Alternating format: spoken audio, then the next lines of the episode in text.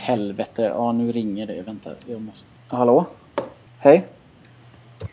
Jag sitter mitt i ett viktigt, eh, viktigt inspelningssamtal här. Så är det, är det inget livsviktigt så kan jag faktiskt inte prata. Hej. Hej och hjärtligt välkomna ska ni vara till Play before you die. En sprillans ny podcast om spel. Eh, mitt namn är Peter Eriksson och med mig har du Mattias Sörbom. Även Som kallad vi... Bob. Bob, ja. Det är nästan det vi kommer kalla mig mest, tror jag. Ja, jag kommer säga Bob. Bob och Peter. Vi eh, driver bland annat eh, spelbloggen Pixelkamraderi. Eller www.pxk.se. Eh, där vi skriver och gör olika inlägg om spel. Och nu hade vi tänkt att testa på att göra en podcast. Yes. Eh, jag är ju sedan länge en, en eh, vad ska man säga, podcastlyssnare av, eh, av rang. åtminstone vad gäller spelpo spelpodcast så har jag lyssnat väldigt länge och ju mer man lyssnar ju mer känner man att det här skulle jag vilja testa. Mm. Och jag fick ju med mig Bob på att lyssna på ett par stycken och ja, han var ju inne på samma bana som jag så att det är därför vi sitter här. Ja, som Peter är som sagt en veteran. Men jag, jag är det är nästan skämmigt men min första podcast lyssnade jag på april i år. Eh, så att... Eh, men, men jag har kommit ikapp en del så att... Eh, och jag, som sagt, jag också kände sug att det här, det här, det här måste vi testa. Och denna podcasten heter alltså Play before you die. Men innan vi går in på vad den egentligen kommer handla om så kanske vi ska berätta lite mer om oss själva. Ska jag börja? Ja, det tycker jag. Eh, ja, då är jag en eh, 27-årig. Jag fyller 28 den 3 november. Fortfarande 27 alltså. Nyinflyttad göteborgare. Eh, och jobbar som sprinklermontör och har väl haft ett spelintresse främst sedan ett par år tillbaka. Eller mitt, mitt stora spelintresse ska jag väl säga har jag haft sedan ett par år tillbaka. Innan dess jag har spelat i princip hela mitt liv. Vi började med en, eh, en Sega Master System var den första konsolen vi hade och sen hade jag faktiskt ingenting däremellan. Inga 16-bits konsoler, ingenting. Vi fick en 486 eh, någon gång där på när datorerna började med sitt uppsving. Eh, och sen så köpte vi ett Playstation som jag har väl håller som den bästa konsolen för min del för den har jag spelat otroligt mycket på. Eh, sen var det ett litet hopp emellan igen. Jag hade ingen Playstation 2. Däremot köpte jag Dreamcast på releasedagen i Sverige. Jag är väl en av de få, i alla fall den enda jag känner som gjorde det. Eh, så det blev ganska dyrt i och med att man inte kunde byta spel och sådär med någon. Eh, men den håller jag också väldigt kär. En av de bästa konsolerna. Gillar man arkadspel så ska man ju äga en, en Dreamcast. Det är inte mer med det. Och sen hade jag ett litet uppehåll på ett par år som sagt spelat lite dator hit och dit men med Playstation 3 eh, som jag köpte då för ett par år sedan så började intresset ta fart ordentligt. Och Wii framförallt köpte jag också. Min kompis vet jag, han köpte ett Wii, eller han fick ett julklapp och jag blev så fascinerad. Vi stod och boxades svettiga i hans vardagsrum. Eh, så jag fick beställa en ifrån Tyskland för de var slut i hela Sverige. Det var stört omöjligt att få tag på. Ehm, så det är väl de konsolerna jag äger eh, som jag har spelat mest på i dagsläget. Det är ju då Playstation 3 och Wii. Så har jag även 3DS. En 64 står här och dammar och börjat som sagt ta upp mitt Dreamcast-spelande nu lite grann. Ja, så att det är väl lite kort om mig. Mm. Jag heter Mattias Sörbom. Bor i den lilla, lilla hålan Överlida. Den ligger ganska nära Ullared. Så har folk något koll på vart det är. Ehm, jobbar, som, jobbar med hand... Vet det, inom LSS jobbar jag inget särskilt intressant att prata om. Men... Eh, det, är, det, är ingen, det är ingen som vet vad det är. LSS, inte ens ah, jag ja, ja. vet Nej, jag jobbar med handikappade. Så enkelt är det. Eh, jag bor i, i Överlida som sagt med min sambo och två barn och ett tredje som är, kommer när som helst.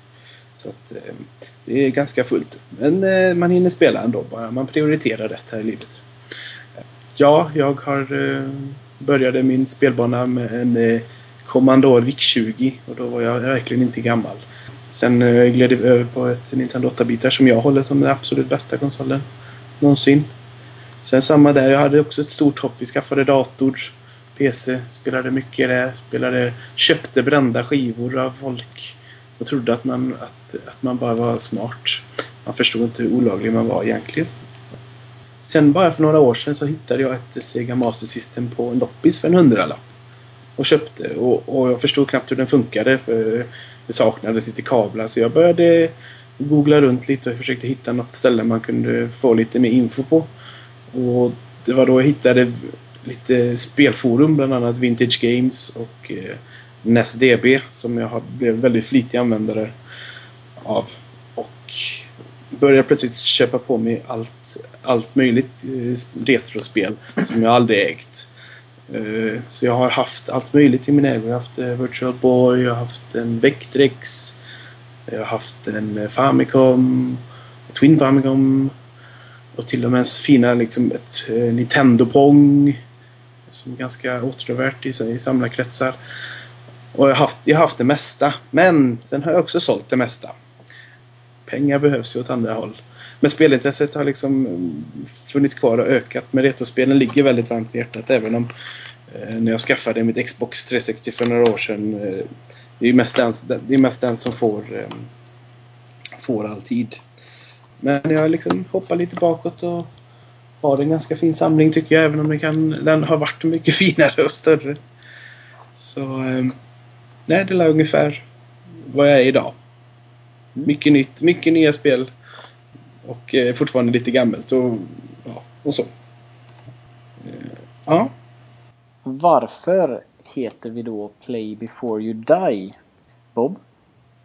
Jo, det är så här. Att det finns en liten en trend i, i bokbranschen de senaste åren. Att det har kommit böcker som heter 1001 mm-hmm. Du ska göra, se, besöka, äta innan du dör. Det finns massa olika av de här böckerna. Eh, och själv så fick jag 1001 filmer du ska se innan du dör. Fick jag för, ja det är säkert en 6-7 år sedan.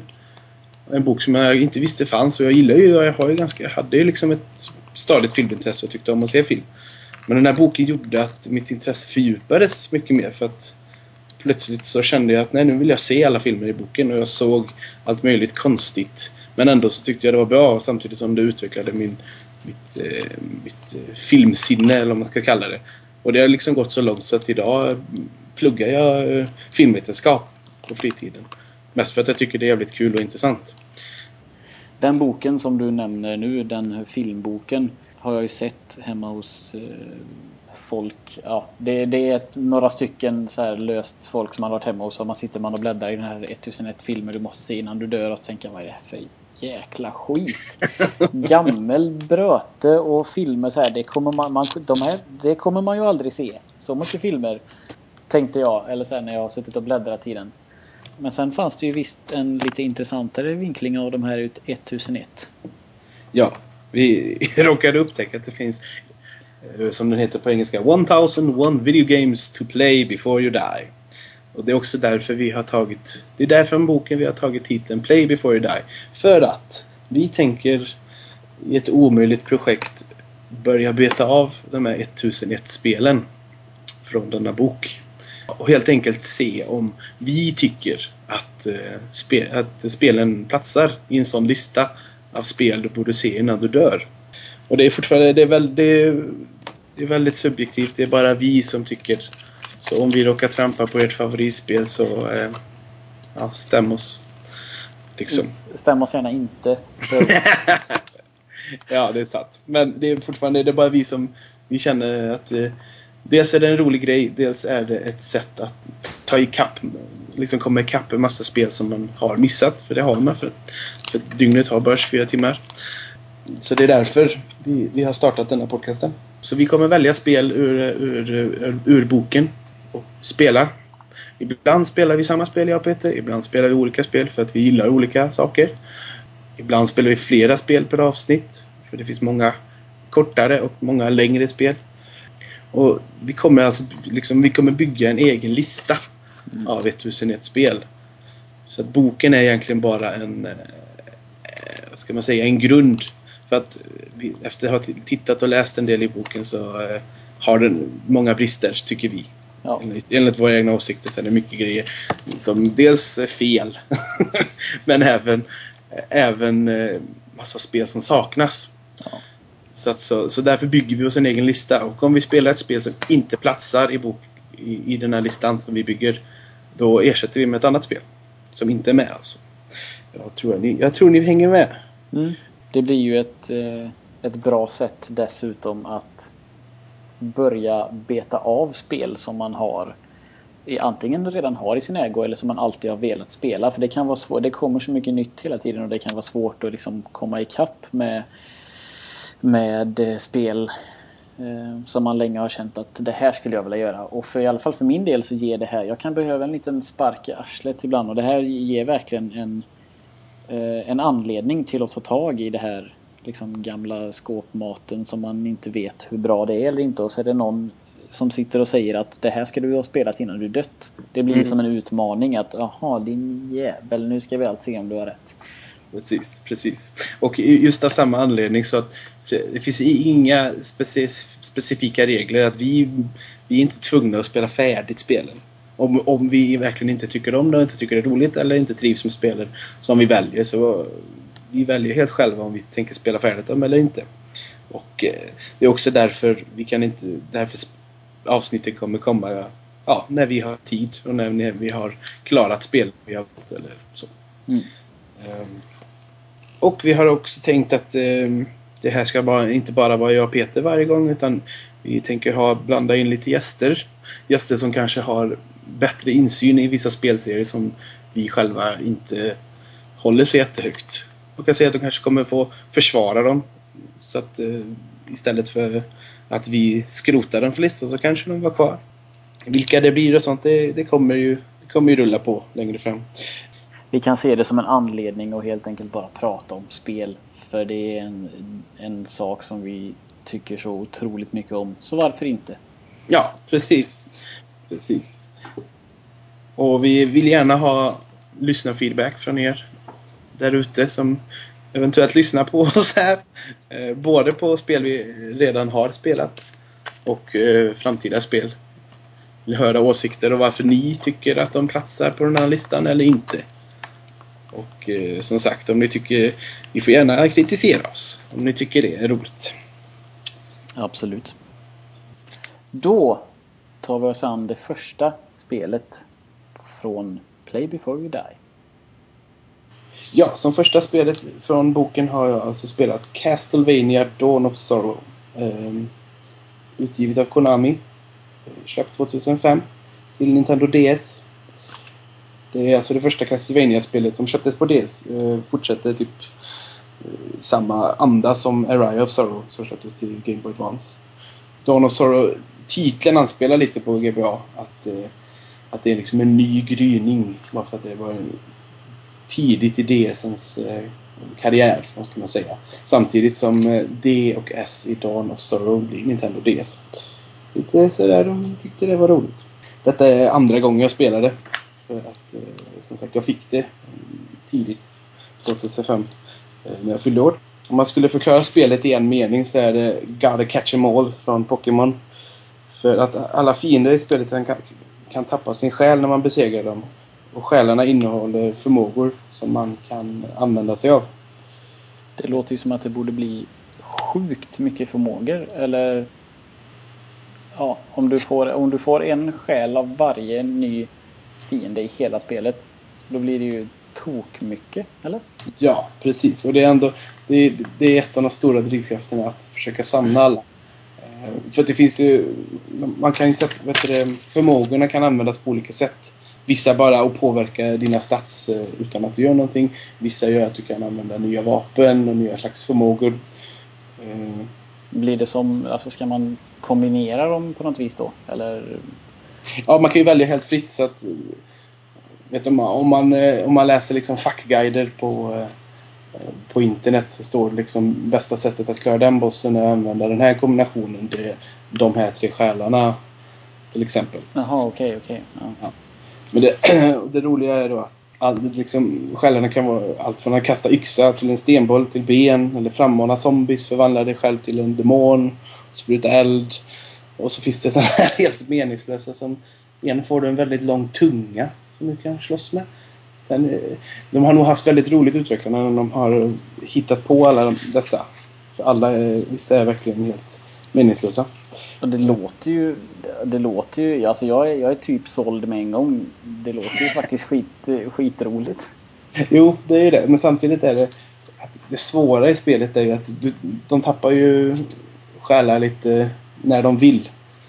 Det är inte direkt att klara en fiende så tappar du den själen och då kan du använda förmågan. Du måste farma själar alltså? Ja, verkligen. Man måste verkligen farma. Så spelet är ju en klassisk eh, Castlevania-stil. Du utforskar en stor, eh, stor karta, ett stort slott. Och när du liksom utforskar så finner du många olika områden som du inte kan nå av olika anledningar. Då behöver du alltså specialsjälar som bossarna släpper ifrån sig. Så att hela tiden går du omkring i slottet och upptäcker ett ställe. Dit kan jag inte nå just nu. Så det är väldigt mycket backtrackande hela tiden. För att, ja just det, där fanns ett ställe men nu kan jag komma in där för nu kan jag förvandla mig till fladdermus. Eller nu har jag dubbelhopp. Ja, det är precis likadant som i Symphony of the Night. Som, det är ju det enda, enda Castlevania-spelet som jag har spelat och klarat. Eh, och där var det ju samma sak. Man kan bli dimma och så kan man bli fladdermus och grejer och sådär. Man hittar allt eftersom. Det mm. låter, jag, jag ser ju det när du pratar om spelet som jag egentligen inte har sett mer än alltså, kanske någon screenshot. Så jag ser ju Symphony of the Night framför mig fast på lite sämre upplösning på DSen typ. Mm. Jo, men det, det, är absolut. Jag har, jag har bara snuddat vid Symphony of the Night. Men det, det ska jag råd, råda bot på längre fram. Men eh, absolut, det är ju, det är ju samma, samma upplägg. Är det ju. Eh, och det är ju liksom en av de stora morötterna i spelet. Det är ju att försöka maxa spelet i procent precis som det är i, i Symphony of the Night. Och sen är det också, man kan också försöka maxa spelet i fångade själar. Eh, och det finns ju över 150 stycken fiender. Och eh, det är liksom inte nog med att du ska döda fienden. Du måste ha lite tur för att den tappar ju som sagt din själ. Eh, ja, slumpmässigt. Det finns, eh, det finns liksom, man kan köpa en, en speciell ring som kostar... Eller ja, man kan köpa en speciell ring i spelet. Som gör att det, det är större chans att fienden tappar sin själ. Men att få tag på den ringen så måste du först farma en helvetes massa guld. Så att det, det, det, liksom, det rullar på. Men när man väl har kommit in i spelet så mycket så, så, så gör man ju den... Gladeligen står jag och grindar mot en gubbe eller typ en fiende. Jag går in och ut i rummet hundra gånger för att jag till slut får hans själ. Men det kan ha tagit en timma. Men jag har fortfarande skitkul när jag gör det. För att mm. sam samlarmanin är så drivande i detta spelet. Okej. Okay. Det hade jag ju inte orkat med. Eh, känns det som rent spontant. Jag är inte riktigt riktigt tokig i... Det beror på vad det är, det, ja, det är svårt att säga. Det beror på vad det är för föremål eller vad det är man ska få. Men jag vet inte om jag hade pallat gå in. Nej, jag vet. Och, och, nej, och jag vet inte egentligen. Alltså, jag är inkompletist i många spel. Eh, och i många är jag verkligen inte heller. Då bara skiter i allt egentligen. Men just i detta så... Det är bara för mest att det är så, det är så roligt att testa alla de nya, nya förmågorna, alla nya själar. Vad de har för någonting och hur man själv kan använda det. Och, eh, ja. Varför egentligen man ska spela detta innan man dör, enligt mig, då är det alltså den, den stora variationen i fiender, eh, miljöer och vapen och talanger som då man får av själarna. Och det är väldigt, eh, det är väldigt skön pixlig grafik och eh, underbara bossar. Så vissa, eh, ja, vissa skulle jag vilja ha tatuerade på armarna liksom. De är så jäkla snygga.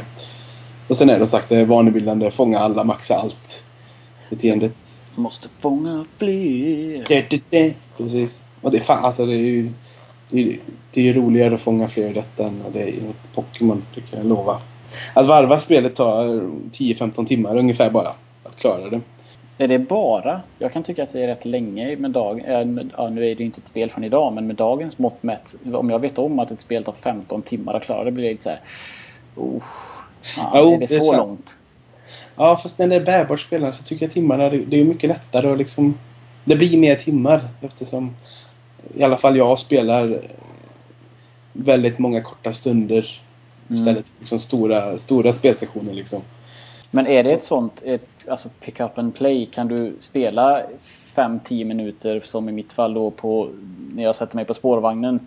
Kan du bara ta upp det och spela lite och sen lägga ifrån det eller måste du spela ett, ett liksom parti för att det ska sparas eller för att du ska få någon... Nej, jag tycker, jag tycker att man kan spela det i korta stunder. Eftersom det finns ju precis som de andra Castlevania-spelen så finns det ju sparrum.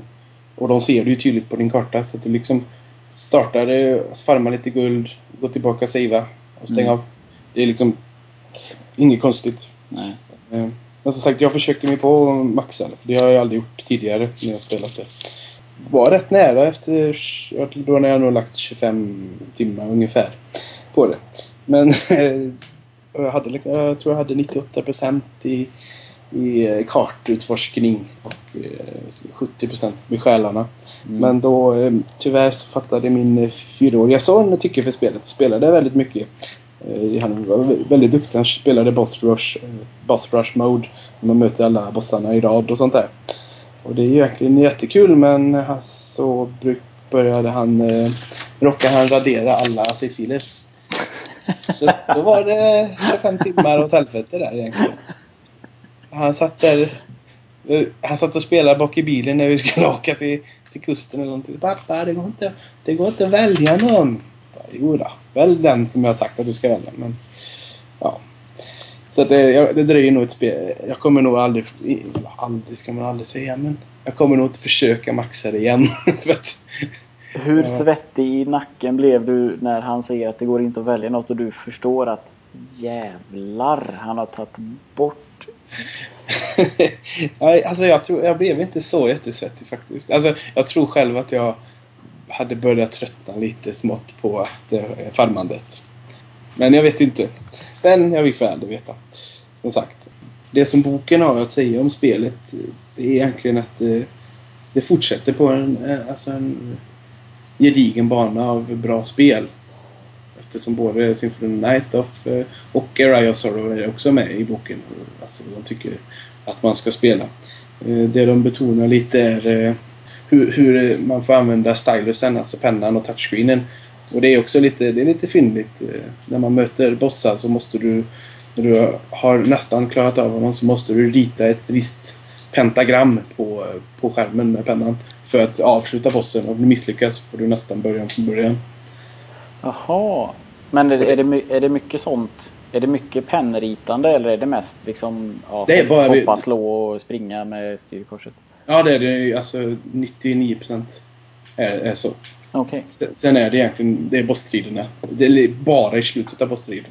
Jaha. Jag tänkte Men- att det kanske var någon sån här Okami eller Okami-pryl. Att man skulle hålla på och rita hela tiden. Eller att det var... Nej, verkligen inte. Och det är, därför den, det är därför det kändes så bra från början. För att många av spelen som släpptes till DS i början, det var ju verkligen... Ja, nu ska vi visa upp vilken gimmick detta är.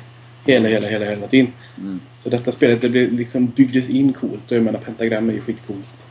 Bara det att rita pentagram. Mm. Så att... Eh, nej, så att det, är- det är liksom... Det är lite det, alltså vad boken tycker. Det är liksom ett gediget eh, spel i en bra serie.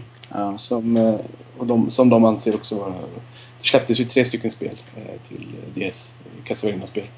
Varav jag har spelat två. Och det tredje har jag fortfarande inte kommit över än. Men boken tycker att detta är bäst. Och eh, jag kan ju bara hålla med att det ska absolut vara med på min lista. Det är till och med ens ja, topp 20 i bästa spelmaterial känns det faktiskt som ibland. Okej. Ja, det är riktigt jävla bra. Som sagt, nu, dröjer det ett par år innan jag tar upp det igen. Men det kommer jag absolut göra någon gång. Så det ska vara med på listan. Sweet. Det låter... Ja, jag blev, jag blev såld. Det är... Ja. Men det, det är också sådär. Jag har alltså, Symphony of the Night är ett av de roligaste spelen jag har spelat. Så allting som låter likt det. Det, det, har, ju, det, har, ju, det har ju mig liksom hookad redan. Så att, Mm, eh, mm. Jag köper den platsen där. Mm, suveränt. Då kör vi vidare på Peters spel. Ja. Spelet som jag ska prata om då idag heter Grandia 2. Eh, Naturligt uppföljaren till Grandia 1 som kom till Playstation. Det här är ursprungligen till Sega Dreamcast, kom 2001 och även då till PC och Playstation 2 året efter. Har du spelat ettan? Nej, jag har sett bilder bara. Jag kan, det kan vara så att min eh, dåvarande rumskompis spelade Grandia. Jag vet jag har något litet minne av det. Men jag har inte spelat, jag har inte rört det själv om man säger så. Däremot så bodde jag med den här polaren då i gymnasiet. Så bodde vi i en lägenhet tillsammans och då hade han Grandia 2 till Playstation 2. Så det var där jag testade första gången eh, och tyckte att det var jätteroligt. Sen av någon anledning så kom det väl andra spel i vägen. Jag vet inte, jag slutade spela det i alla fall och har väl känt hela tiden att jag, det är någonting som jag borde ha plockat upp igen för jag tyckte att det var så roligt. Mm. Och även nyfiken på då ifall det skulle vara lika roligt nu igen om jag, om jag verkligen spelar igenom det. Så det, det, finns ju en liten kanske nostalgisk ådra någonstans som huruvida det har påverkat mig eller inte, det vet jag inte riktigt. Lite sådär the one that got away. ja men typ. Den har legat och gnagt sedan gymnasietiden och så nu äntligen. Som ja. sagt så ger jag mig själv en anledning att, att ta tag i det. Precis. Grandia 2 då, storyn eh, i korthet. Eh, det handlar väldigt mycket om eh, det onda mot det goda. Spelets goda kan man säga representeras eh, av någon sorts motsvarighet till vad jag tolkar in i alla fall som den, det, det, jag tycker att det, de eh, har in, vad ska man säga, inspirerats av den kristna kyrkan.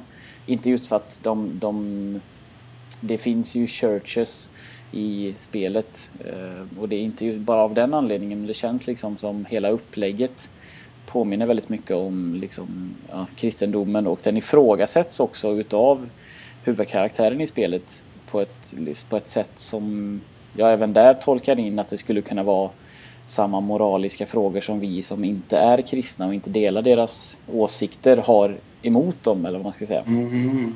Ja, då, är det, då, är det, då är det extra roligt att spela sådana spel när det liksom, den, den vill, spelet vill säga en åsikt som man ändå håller med om. Även ja. om det, det, det är inte spelets syfte kanske. Nej. Utan det, det är bara ett rollspel liksom. Ja, och det kan ju som sagt vara att det är bara jag som tolkar in det så men det kändes ändå liksom som att eh, ja, jag, vill, jag vill att det ska vara att, att, att jag har rätt där. Att det känns som att jag har listat ut vad de vill. Vad, vad, att det finns en, en, en liksom samhällskritik. Å andra sidan skulle jag inte kunna tänka mig att spelutvecklare är så tar den risken och hacka på en av de största religionerna eh, med ett spel. För det kan ju lätt i vissa, vissa länder, USA till exempel, eh, skulle det kanske bli lite illa mottaget.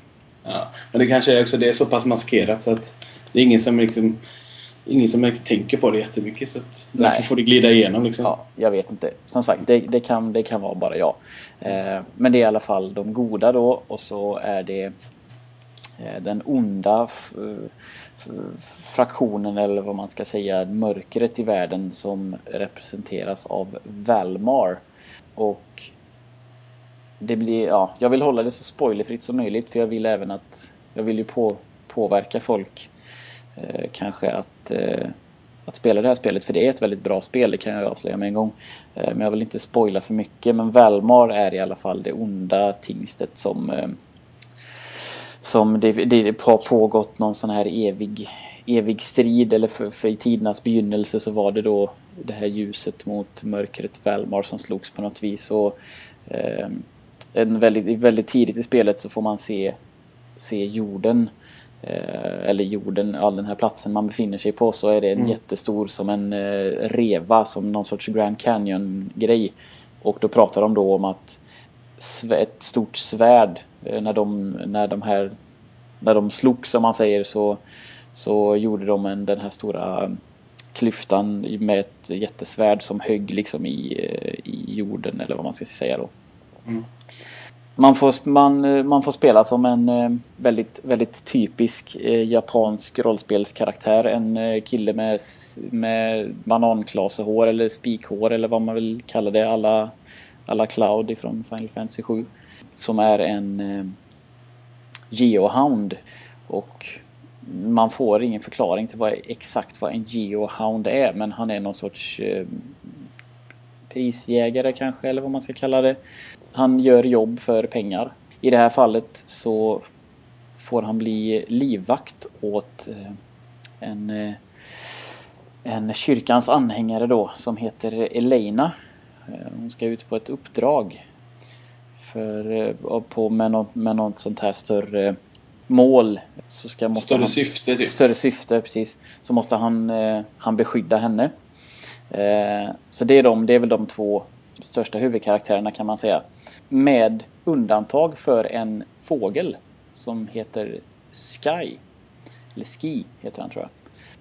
Och han skulle kunna vara en jättecool karaktär. Men han får ingen plats överhuvudtaget. Han, han är någon sorts eh, örn eller falk eller någonting som kan prata. Och som eh, sitter på huvud, våran huvudkaraktär då, Ryodo. Sitter på hans axel och är med lite grann även i striderna och man har special, specialattacker som då han, han är delaktig i men han får ingen plats i spelet överhuvudtaget. Han har ingen del i storyn. Han fäller lite kaxiga kommentarer eller känns lite som någon sån här visdoms, eh, visdomsuggla typ som i, som i Zelda. Till, emot kontrast då till, till eh, Ryodo som är en eh, uppkäftig ungtupp eller vad man ska kalla det. Lite mm. så här tyken, elak och edgy kille så ska väl han vara motpolen då. Men mm. det tar de verkligen inte tillvara på vilket är ganska stort minus kan jag tycka för att det hade varit en cool karaktär att göra någonting vettigt utav. Lite fler karaktärer då som man får bekanta sig med under spelets gång är eh, en uh, The uh, Rock ifrån Soulblade. En väldigt rockliknande karaktär som heter Marek. Någon sån här stor uh, stor... Eh, Brute. Ja, precis. Brute. Stor yxa och sådär. Pratar inte så mycket. Någon sorts woodsman-kille. Eh, en liten gosse eh, som heter Ro Rowan. Roan. Ja, det är så, svårt, att, svårt att förklara lite utan att förstöra. Men i alla fall en eh, karaktär som heter Tio och sen en Melania.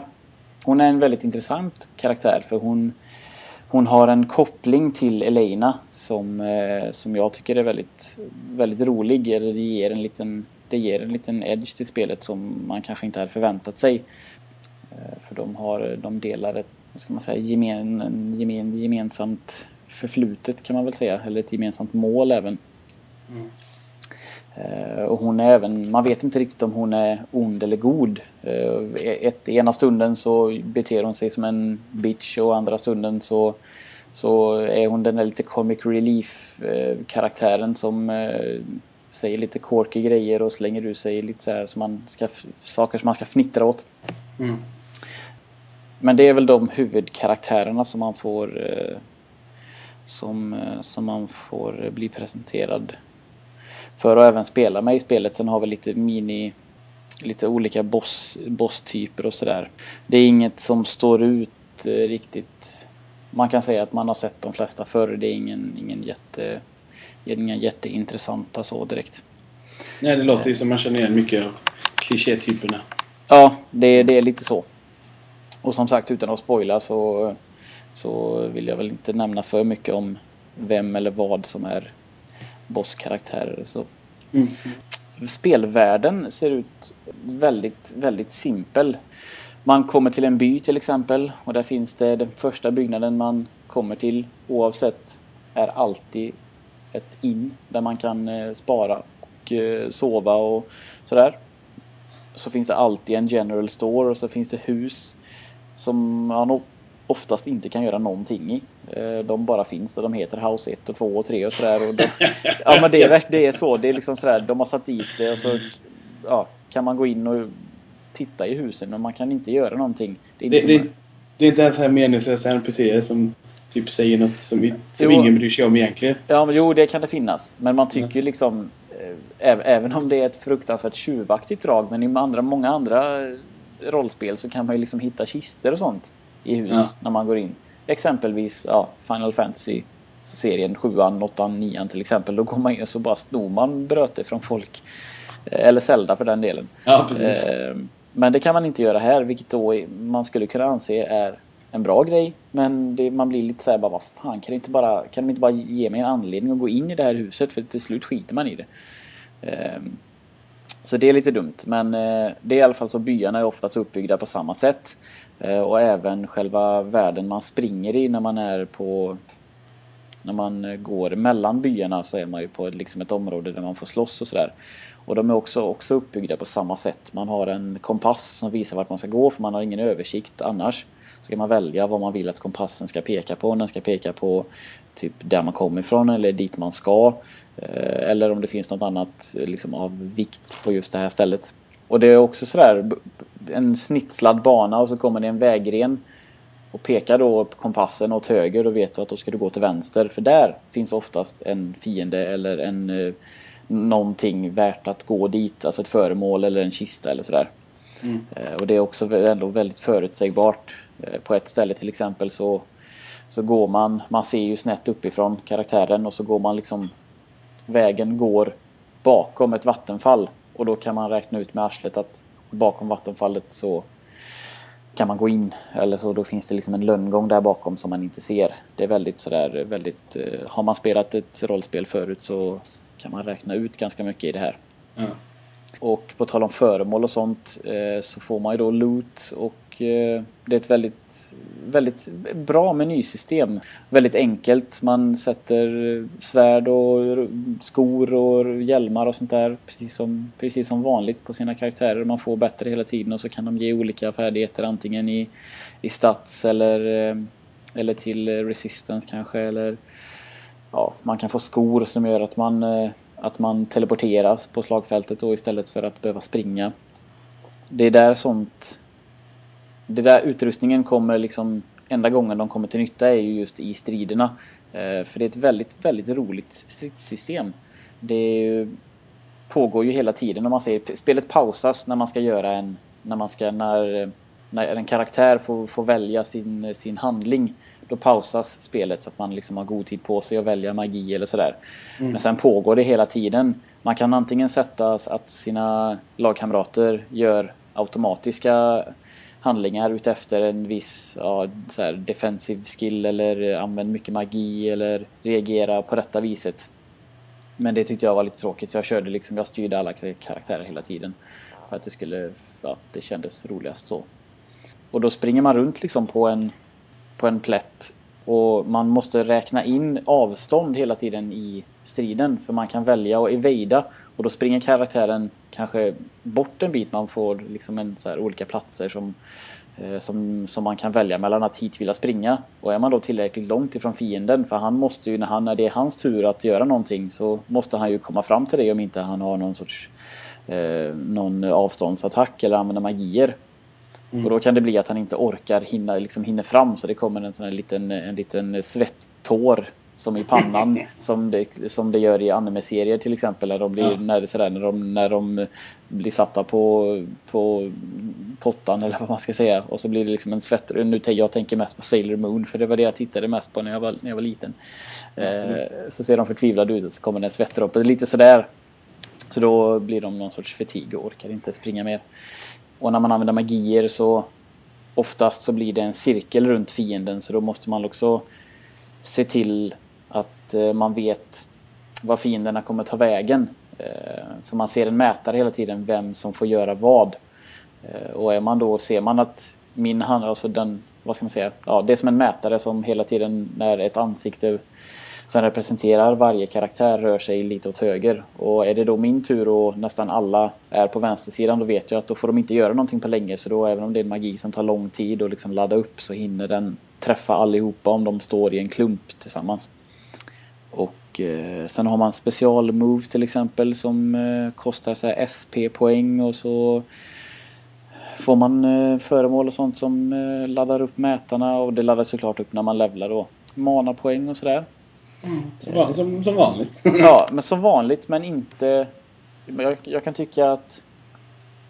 För återigen då nämna Final Fantasy så tycker jag att det här systemet är mycket roligare för att det blir mer aktivt. Och du kan göra mycket mer än... Alltså en, visst man kan, man kan till exempel så kan man ju fly härifrån. Eh, och då, liksom, då avslutas ju striden. Men man, det är ju roligare att försöka klara det liksom och ställa sig i olika positioner än som i Final Fantasy då till exempel när man bara står rätt upp och ner på samma ställe och så tar man fli så bara springer alla därifrån. Alltså du har inget, du har inget, eh, inget taktiskt tänkande i, placeringsmässigt. Det är bara vilken magi eller vilken attack ska jag göra nu. Nej, det, låter, det känns som att det är ändå lite omständigt. Eller, eller är det väldigt mycket typ random strider så att man bara man tröttnar liksom? Mot slutet kanske jag kände att jag tröttnade lite. Eh, men då var det så pass lätt också. Eh, när man har, när man har grindat lite och levlat lite och sådär. Men eh, i princip genom hela spelet så är striderna jätteroliga. Och det är inte, det är inte random encounters utan du ser fienderna när de går omkring på kartan. Så du kan välja om du vill Kommer du för nära så blinkar de i rött och så springer de på dig. Och vissa gånger så kan du eh, så kan du springa därifrån, alltså hinna springa därifrån och andra gånger så kanske de hinner ifatt dig och då blir det ju att du blir attackerad i ryggen så får de en fördel. Så då står alla fienderna runt dig och så får de göra liksom sina, sina handlingar först och få, liksom, få ett övertag om man säger så.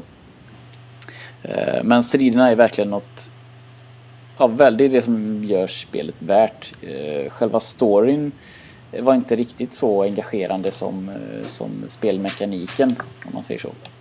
Mm. Det var inget, inget, inget spektakulärt. Om det. Alltså det för historien framåt, men det är verkligen striderna och levlingen och det här hitta nya vapen, hitta nya grejer som jag tyckte var det absolut roligaste. Och speciellt då när till slut så blir man ju för bra så att striderna blir bara en grinding och då kommer det en boss ganska lagom och den kan vara jävligt svår eller lagom svår. Det var aldrig någon boss som var för lätt. De tar oftast ganska lång tid och oftast är det också väldigt många som det är typ ett monster så, har, så ska man slå liksom på två armar och så har den tre huvuden och huvudena gör olika saker, magier och grejer som måste försvara sig hela tiden och lista ut vilken man ska döda först. Och mm. det är väldigt sällan man får se då hur mycket hur mycket de tål. Det står oftast bara ett frågetecken och så får man, man får se en mätare som går ner sakta. På de flesta småfiender så ser man att de har si och så här mycket i liv och så lär man sig då att då använder jag den här magin så gör den så mycket mot den här typen av fiender så det blir liksom, då kan det bli ganska lätt. Eh, men på bossarna får man gärna testa sig fram och sådär. Jag tycker det var väldigt tillfredsställande ska jag säga. Mm. Lite segstartat kanske. Eh, I början så kände jag att det, det, kan också vara att jag var lite jävig men med en erfarenhet jag visste att det här spelet tycker jag är roligt. Så det kanske inte andra tycker men eh, lite, lite segt att komma igång men när det väl tar sig så tar det sig väldigt, väldigt bra. Eh, och det är ju ett, ett nybörjarspel kan man säga. Ett nybörjarrollspel för man känner, när man har spelat en del både västerländska och japanska rollspel som jag har gjort så känner man igen mycket. Alltså stilen med det här som sagt bananklasehåret och hela den biten det är ju väldigt, det är ju väldigt igenkänningsbart. Även, även karaktärer och story? Med. Ja, ja, precis. Lite kliché och sådana mm. här karaktärer som man, som man har sett förut och sett dem agera på. Ibland kan man lista ut att ja, men det, den här personen kommer liksom är en bad guy och, och liksom, eller vem som inte är det och så det, det, kräver inte så mycket av dig men det ger ändå ganska mycket tillbaka i och med stridssystemet som är väldigt lätt att lära sig. Och man brukar ju säga eh, svårt, alltså lätt att lära, svårt att bemästra. Eh, men det är inte riktigt så heller utan det är mest lätt att lära och sen är det roligt. Eh, mm. Det ligger inget större djup i det annat än att det håller intresset uppe, eller i alla fall mitt. Ja, det, det, är ett bra spel. Om man inte har spelat eh, rollspel förut så bör man ta tag i det här för att då får man en bra inkörsport och sen kanske man känner att man vill göra något, något eh, tyngre. Eller som i mitt fall, jag hade, kanske inte hade orkat med ett, ett jobbigare eh, rollspel just nu. Eller jag kände att det här var, liksom, det var lättsmält och väldigt, väldigt, väldigt roligt. Mm, men det låter ju som något för mig som bara spelat Pokémon och aldrig ens rört ett Final Fantasy eller något annat JRPG. Nej, så kanske detta är en bra inkörsport. Ja, verkligen. Absolut. Både till, både till nybörjare och till, eh, och till veteraner. Skulle jag verkligen rekommendera det. Och för att ta ett par rader ur eh, våran kära bok då. Eh, så skriver de här att eh, det är ett battle system that is both in intricate and rewarding, vilket jag håller med om. Och eh, i vanliga i japanska RPGs så är det ofta random encounters. Men här så kan man då se fienderna och sådär, precis som jag sa. Det tar de också upp i boken. Och som slutkläm då så skriver de så här. To anyone raised on a diet of western RPGs it's among the best places to begin sampling the delights of Japanese RPGs.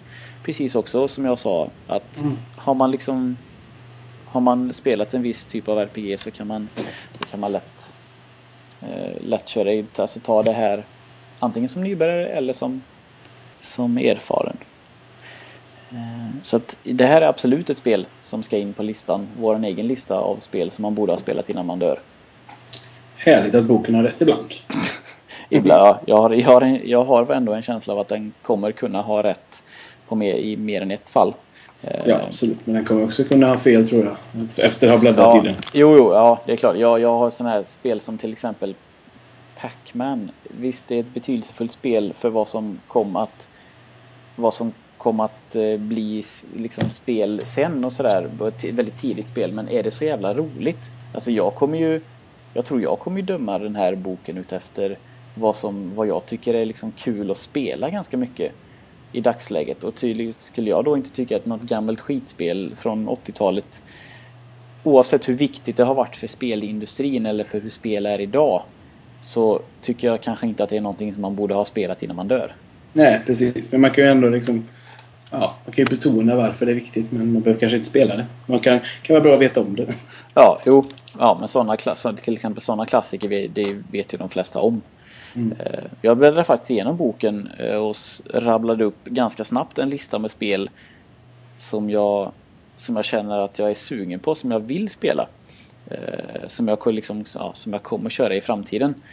Och till exempel har vi då R-Type och R-Type Final. R-Type är ju ett gammalt, gammalt spel som jag spelade när jag var liten och så finns det då en Playstation-version till exempel. Mm. Eh, som ska vara snyggare och bättre och jag, som sagt, jag har inte läst vad det står om. Sen Spiderman 2, Flow, eh, Shadow of the Colossus såklart, Chrono Trigger, Kingdom Hearts, Jet Set Radio, en eh, Dreamcast-titel som jag inte äger än men som jag ska skaffa mig har jag tänkt. Eh, Shenmue 2, ett av mina absolut största skämshögspel. Jag älskade första spelet över allt annat när det köpte det liksom direkt när det kom till Dreamcast och var så jag var så fascinerad över att man kunde öppna byrålådor i köket och gå runt och göra absolut ingenting vettigt. Men det var så otroligt coolt. Mm. Så kom det en tvåa som jag inte ens har knappt spelat. Så det, det, ska jag verkligen ta tag i. för jag, som sagt, jag har spelet. Så jag ska bara ta tag i det. Mm. Eh, sen Fantasy Star Online, Batman, Arkham Asylum har man ju hört hur mycket bra som helst om. Bayonetta till exempel. Så jag har liksom bara så här skrapat ner spel som ändå, de är inte så svåra att få tag på men det kommer bli, jag är verkligen peppad på att köra igång. Mm. Med fler grejer. Så vi får se vad som kommer härnäst. Ja, precis. Så, och där, där avslutar vi dagens och går över till vad vi ska spela nästa avsnitt. Ja. Och till nästa avsnitt ska jag i alla fall... Jag ska spela Super Mario RPG Legend of the Seven Stars. Eh, ett spel som släpptes till Super Nintendo och är det första av, av liksom Super Mario i rollspelsvärld. Eh, finns, det finns, ju... finns det fler tänkte jag säga? Ja, det kan... Ja, alla de spel som kom till DS är ju egentligen alltså... Um, vad heter de? Partners in Time, Bowsers Inside Story. Just det. De är ju liksom en tydlig liksom fortsättning på detta. Och jag har haft detta på, på min Wii i många år och innan dess hade jag det faktiskt på Super Nintendo. Men det släpptes ju aldrig i Europa. Det släpptes bara i USA och Japan. Så man var tvungen att köpa en dyr jävla kassett med en dyr jävla uh, sån här adapter så det funkar. Och när jag väl kopplade in det så brändes, en, brändes mitt Super Nintendo och startade aldrig mer. Så det har varit en lång jävla väg för att jag ska få spela detta. Så okay. att, uh, nu äntligen ska jag ta tag i detta. Uh, och det spelar jag alltså på Wii och jag tror att det finns på Virtual Console. Jag köpte det när det var sån här japansk eh, spelfestival, Hanabi, eller vad fan det heter. Jag tror att det finns nu.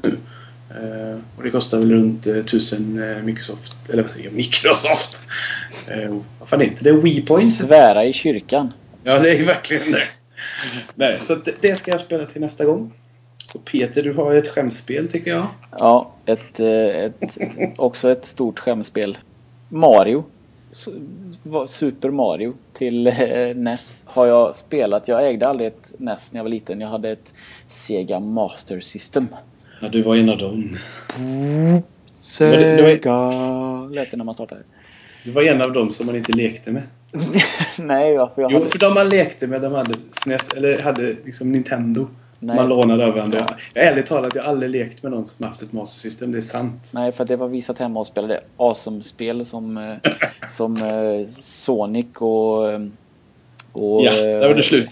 Nej, nej, vad heter han? Alex Kidd och sådana här andra halv, halvbra Ja. plattformsspel.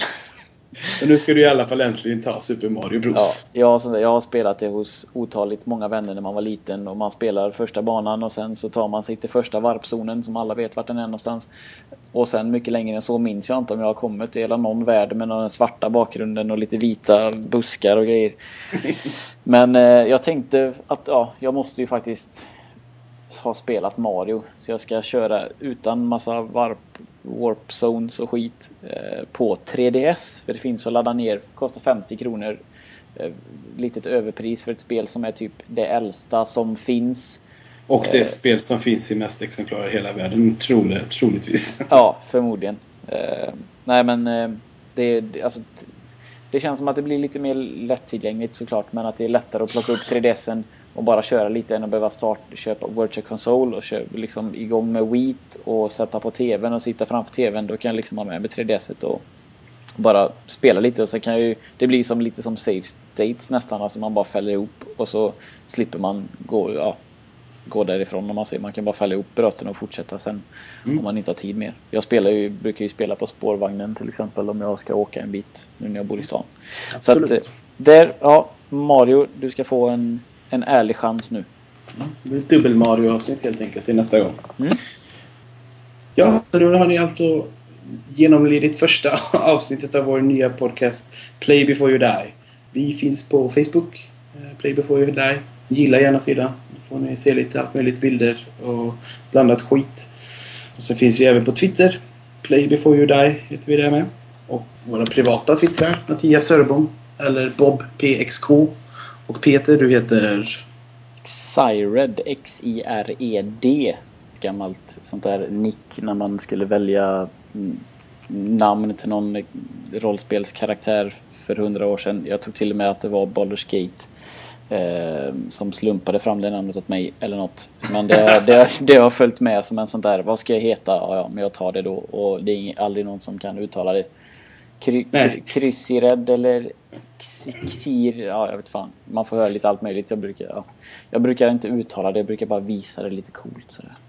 Fan vad cool du var. Jag, jag heter Feter-Bob. ja. Ja, det är kanske lite mer verklighetsförankrat än vad Ja, mitt namn är. precis. precis. Vad vi säger i alla fall att ni får gärna komma in och kommentera och ja, säga vad ni tycker om detta första avsnitt. Absolut. Och jag tror att det här kommer bli jävligt bra till slut. Det är klart det kommer bli. Jajamän!